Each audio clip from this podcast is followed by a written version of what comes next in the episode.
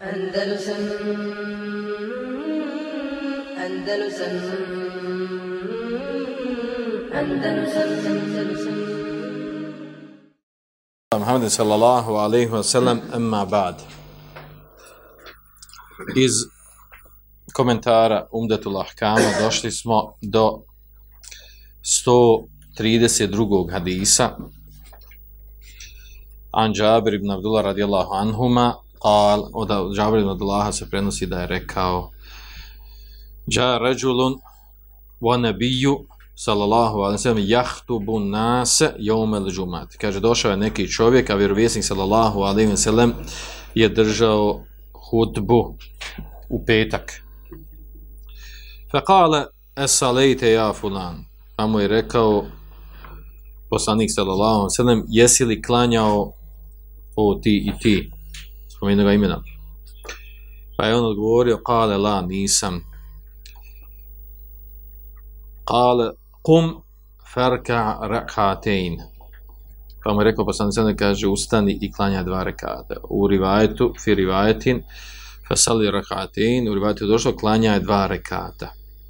Ovo je znači tekst Hadisa, mutefekun alihi. Uglavnom riječ je ovdje u, ovaj, da je došao ashab, ovdje spominje neki čovjek mutefekun alihi. U stvari riječ je bilo od Seliku ibn Gatafanu, da je došao li, u mešćid poslanika sallallahu alaihi wa sallam. A bila je znači hudba, pa je e, odmah sjeo bez klanjanja da bi, da bi slušao hudbu. Nije klanjao, znači tehijetul mešćid. A to u stvari nije spriječilo Allahu poslanika sallallahu alejhi ve sellem da ga upozori, da ga podsjeti. Iako je poslanik sallallahu alejhi držao hudbu, znači prekinuo je hudbu i njemu se obratio i pitao ga da li je klanjao. Znači, da li je klanjao, misli se, da li je klanjao prije nego što je ušao da ga vidi poslanik sallallahu Možda je klanjao negdje, negdje na ulazu, na vani, pa je tek ušao, pa zato ga je pitao da klanjao. Pa nakon što mu odgovorio da nije klanjao, rekao mu ustani i klanja dva rekata. Ovdje je zanimljiva stvar da se ovo sve desilo znači pred velikom skupinom ljudi.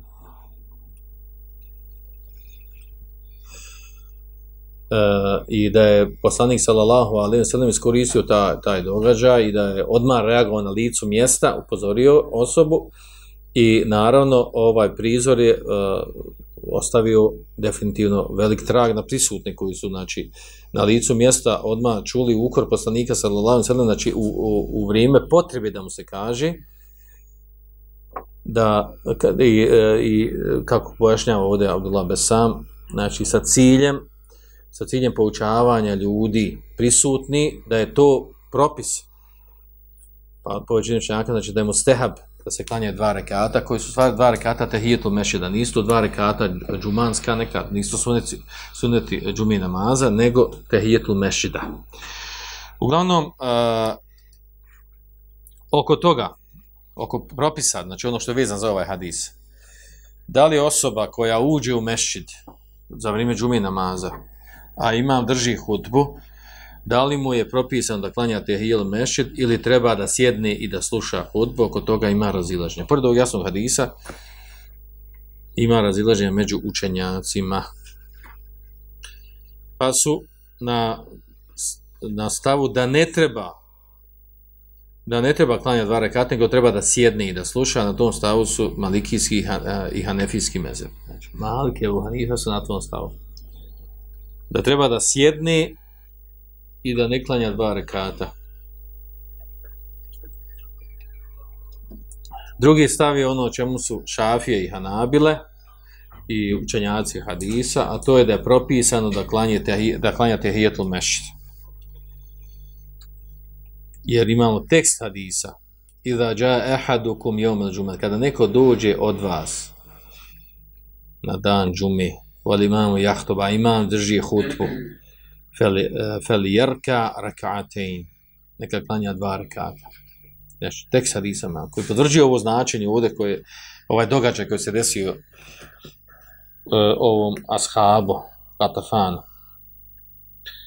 Sad imamo da dokazuju Malikije i Hanefije da ne treba, a Hadis kazuje drugačije, kaže on, jel, uh, osnova je, kaže, po kuranskom ajetu, su, suri Al-Araf, ida, o ida kuri al-Qur'anu festemi u lehu ansitu. Kada se uči Kur'an, festemi u lehu, slušajte ga i šutite. Također dokazuju e, sa hadisom, doći na taj hadis, vjerodostojnim hadisom iz Buhari i muslima, kaže, ida kulte li sahibe, kada kaže svome, svome prijatelju koji sjedi do tebe, znači na džume, ensit, i on na džume, na dan džume, šuti, kada mu kažeš, fe kad lagav te učinio si lagav. Znači ono što je zabranjeno.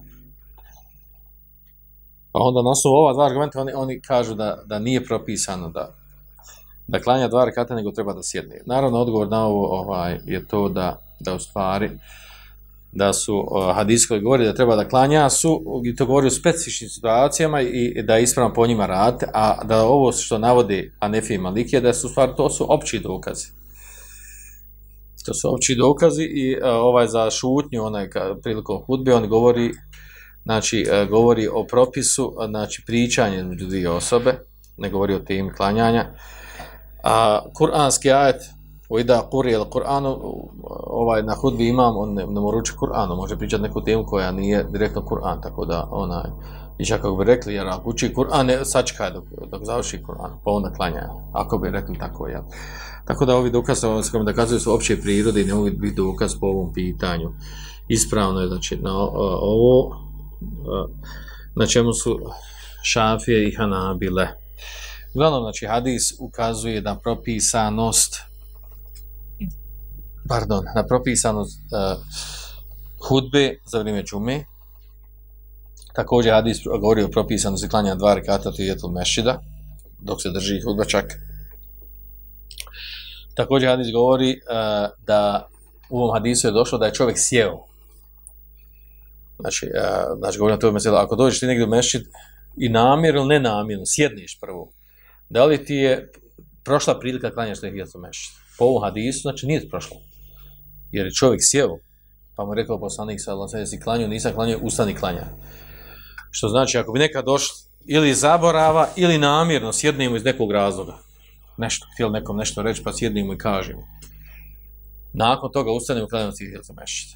Znači, nema smetnje u to. To presuđuje tekst hadisa. Znači, nema smetnje da ustaneš da klanjaš.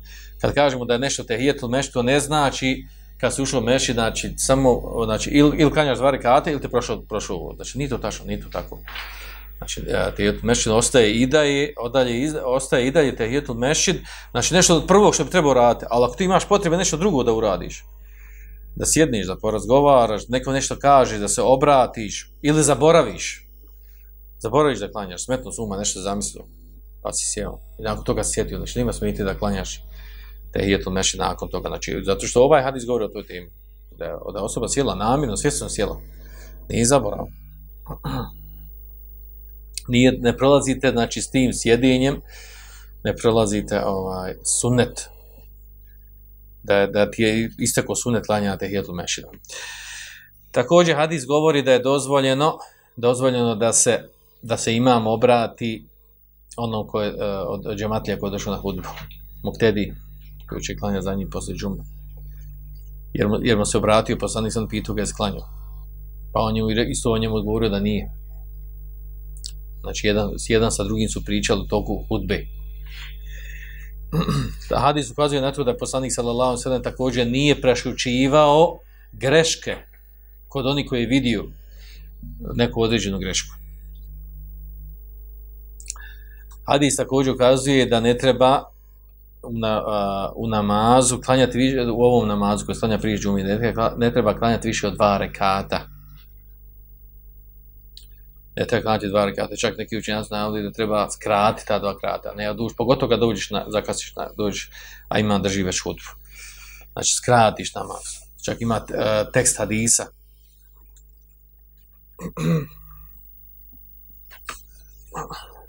tekst hadisa koji je došao u rivajatu kod muslima kada neko od vas dođe, imam, a imam drži hudbu, jelka rekatein, veljete džavuz fiha. Kaže, neka klanja dva rekate, veljete džavuz, jete džavuz znači neka skrati, neka kratko klanja, ne da oduži. Što je sida, stvar sjedni da sluša hudbu. Dobro, s tim smo završio ovaj hadis. Sljedeći. Andalusam Andalusam Andalusam